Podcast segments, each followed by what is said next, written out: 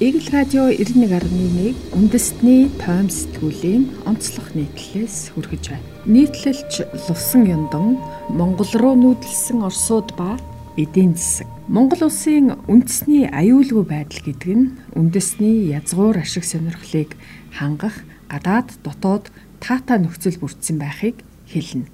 Оросын холбооны улсын ерөнхийлөгч Владимир Путин цэргийн хэсэгчилсэн дайчилгаа явуулна хэмээн мэдгдсэн Энэ хүрээнд Оросын холбооны улсад бүх нийтийн цэрэг татлага өрнөж байгаа бөгөөд энэ нь дэлхийн дахны анхаарлын төвд ороод байгаа билээ. Учир нь Оросын холбооны улс Украин хоёр улсын дайны гал хараахан намжаагүй байхад бүх нийтийн цэрэг татлага зарлсан юм. Тийм учраас Оросын иргэд их хэмжээгээр ойролцоох улс буюу Монгол, Турк, Казахстан, Киргизстан, Тажикстан, Гүрж зэрэг орн руу дөрвөж байна.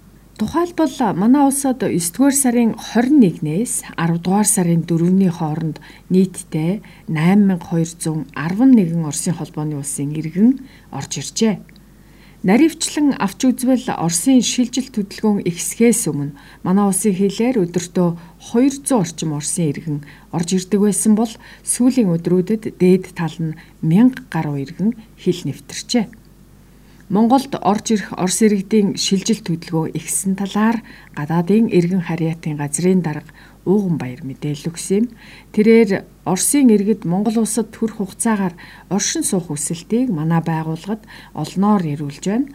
Тухайлбал 9 дугаар сарын 21-ний өдрөөс хойш 30 хоногийн виза сунгуулсан 700 гаруй иргэн байгаа бөгөөд төр оршин суух зөвшөөрөл авах болон Монголд байх хугацаагаа сунгуулах талаар зөвлөгөө мэдээллийг авсан 100 гаруй иргэн байна. Цаашид ч энэ тоо өсөх хандлага ажиглагдж байна. Оросын иргэн Монгол улсад төр оршин суух хүсэлтэд ирүүлсэн тохиолдолд хүсэлтийн дагуу бид судалж хяндаг. Улмаар тухайн хүсэлт нь шаардлага хангасан тохиолдолд Орос улсад үүссэн хямрал зөрчил намжих хүртэл Монгол улсад төр хугацаанд оршин суух зөвшөөрөл олгох шийдвэрийг гаргаад байна гэж хэллээ. Монгол улсад төр ирэгч албан болон хувийн хэрэгээр оршин суух гадаадын иргэний оршин суух хүсэлтийг гадаадын иргэний эрх зүйн байдлын тухай хууль болон засгийн газрын тогтоолоор баталсан байдаг. Хууль болон тогтоолын хүрээнд 56 хэлбэрийн оршин суух зөвшөөрлийг төр хугацаанд олгодог байна. Оросын холбооны улс Монгол хоёр улсын хоорондын засгийн газрын хэлэлцээрийн дагуу Оросын холбооны улсын иргэд Монгол улсад 30 хоног визгүй зорчих хэрэгтэй байдаг. Хэрв өөрсдөө хүсвэл дахин 30 хоног сунгуулж болно.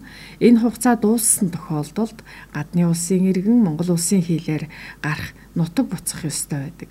Гэвч хил хамгаалах ерөнхий газрын гаргасан шийдвэрийн дагуу Оросын иргэд өөрийн улсад гарсан эдийн засгийн хямрал, зөрчил, арилах хүртэл манад оршин суух боломжтой ажээ.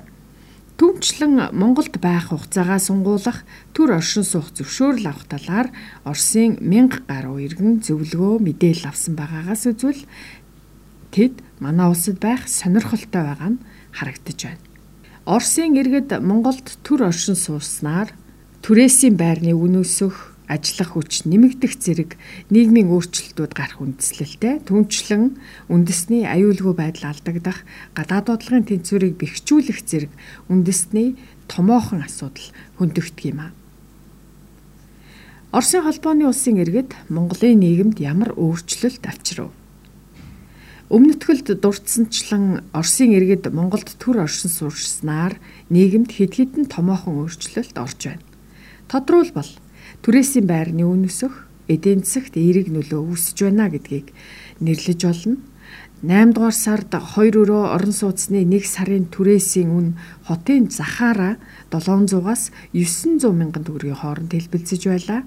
Тэгвэл өнөөдрийн байдлаар 900 мянгаас 1.3 саяд хүрчээ.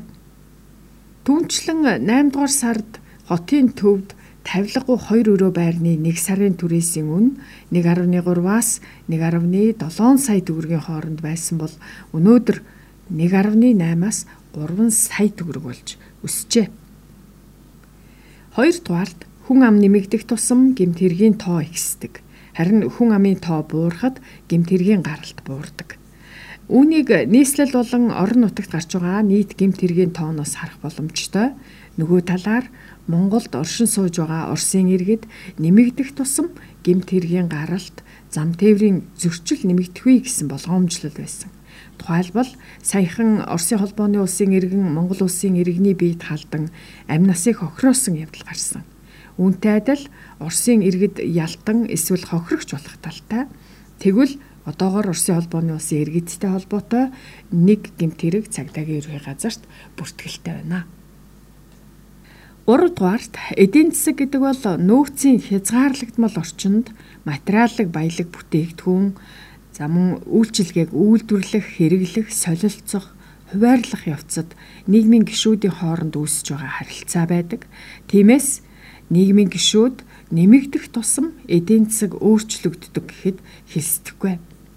Оросын иргэд Монгол улсад төр хугацаанд оршин суурьшснаар эдийн засагт ямар нөлөө үзүүлэх талаар санхүү эдийн засгийн их сургуулийн багш эдийн засаг судлаач Дэлгэр сайхан тайлбарлсан. Тэрээр За Оросын иргэд Монголд суурьшснаар эдийн засагт эерэг болон сөрөг нөлөө үзүүлж болцсогүй юм. Эдийн засагт эерэг нөлөө үзүүлэх нь Монголын эдийн засгийн эргэлт тодорхой хэмжээнд сайжирна гэсэн үг. Харин сөрөг нөлөөлж болцсогүй хүчин зүйл нь валютын ханшийн хэлбэлцлийг үүсгэж магадгүй юм а. Энгийнээр тайлбарлавал долларын ханш өсч болцсогүй гэж хэлсэн юм. Оросын холбооны улсын иргэд манай үндэсний аюулгүй байдалд хэрхэн нөлөөлж байна вэ? Гадаадын иргэний эрх зүйн байдлын тухай хуулийн 27 дугаар зүйлийн 27-гийн дөрөвт хэсэгт Монгол улсын нутаг дэвсгэрт хувийн хэрэгээр оршин суугч гадаадын иргэдийн тоон Монгол улсын харьяат хүн амын 3 хувьтай тэнцэх хэмжээнд байна. Мөн нэг улсын иргэн манай хүн амын 1 хувьтай дүүцхүүц байж болно гэж заасан байдаг. Өөрөөр хэлбэл хуульд заасан дүн тооноос хитрээгүй тохиолдолд Монгол улсын үндэсний аюулгүй байдал тусгаар байна гэж үздэг байна. Иймд Монгол улсад байгаа гадны иргэд байх ёстой хэмжээнээсээ хэтэрсэн эсэх талаар хамтдаа тоо бодъё. Монгол улсын хүн ам 10 дугаар сарын 5-ны байдлаар 3 сая 419,893 байгаа бөгөөд үүнээс үзвэл гадаадын иргэдийн тоо дунджаар 102596-аас бага. За нэг улсын иргэн 34198-аас хэтрэхгүй байх ёстой гэсэн үг юм. Өнөөдрийн байдлаар манай улсад 18000 гаруй гадаад иргэн хувийн хэрэгээр оршин суухаар бүртгүүлсэн байгаа бөгөөд энэ нь байх ёстой 102596 хүнээс 80 орчим хувиар бага байгаа үзүүлэлт юм байна. Харин нэг улсын иргэн 34198 байх ёстойгоос Оросын иргэн 3000 гаруй байна. 10 хүрэхгүй хувийг эзэлж байна гэсэн үг юм байна. Дээр хоёр тоон үзүүлэлт Монгол улсын үндэсний аюулгүй байдал тогтун байгааг илэрхийлж байгаа юм. Монгол улсын гадаад бодлого төгс байх хэрэгтэй. Монгол улс 200 орчим гадаад улстай дипломат харилцаатай бөгөөд инх тайвныг эрхэмлсэн үжил бодлоготой юм. Гэвч Оросын хүн амын шилжил хөдөлгөөн Монгол руу чиглэлсэнтэй холбоотойгоор манай гадаад бодлогын тэнцвэр алдагдахгүй гэж болгоомжлол иргэдийн дунд үүсээд байна. Энэ талаар дэлгэр сайхан Оросын холбооны улсын геополитикийн асуудал өнөөдрийн байгаа нөхцөл байдал гадаад дотоод бодлогыг зөв тодорхойлох хэрэгтэй. Үүний дараа Монгол улсын гадаад бодлогыг нарийн сайн зохицуулалтаар дүүргэх хэрэгтэй Оросын холбооны улсын иргэд энгийн нөхцөл байдлаас биш дайн байлдаанаас зогтож явна. Үүнд хүний амнаас эрүүл мэндийн тухай асуудал яригдж байна. Гэвч Монголын гадаад дотоод аюулгүй байдал нэн чухал мөн язгуур ирэх ашгаа энэ тэргуунд тавьхан зүйтэй гэж хэлсэн юм. Монгол улс олон тулгуурт бодлогыг баримталж дипломат арга замыг сонгож эх орныхоо тусгаар тогтнолыг хамгаалах хэрэгтэй. Түүхийн хуудсыг сөхвөл хоёр хөршийн цаг үеийн баримталж байгаа бодлогоос хамаарч Монголын гадаад дотоод нөхцөл байдал өөрчлөгддөг байсан. Иймд цаашдаа улс орны тусгаар тогтнолын асуудлыг олон улсын чанартай болгож хамаарлыг хөршөөс гадна дэлхийн бусад хүчирхэг гүрнүүд болон олон улсын байгууллагаас хамаардаг болгож хүчний тэнцвэрийг балансжуулах бодлогыг баримтлах нь чухал байна.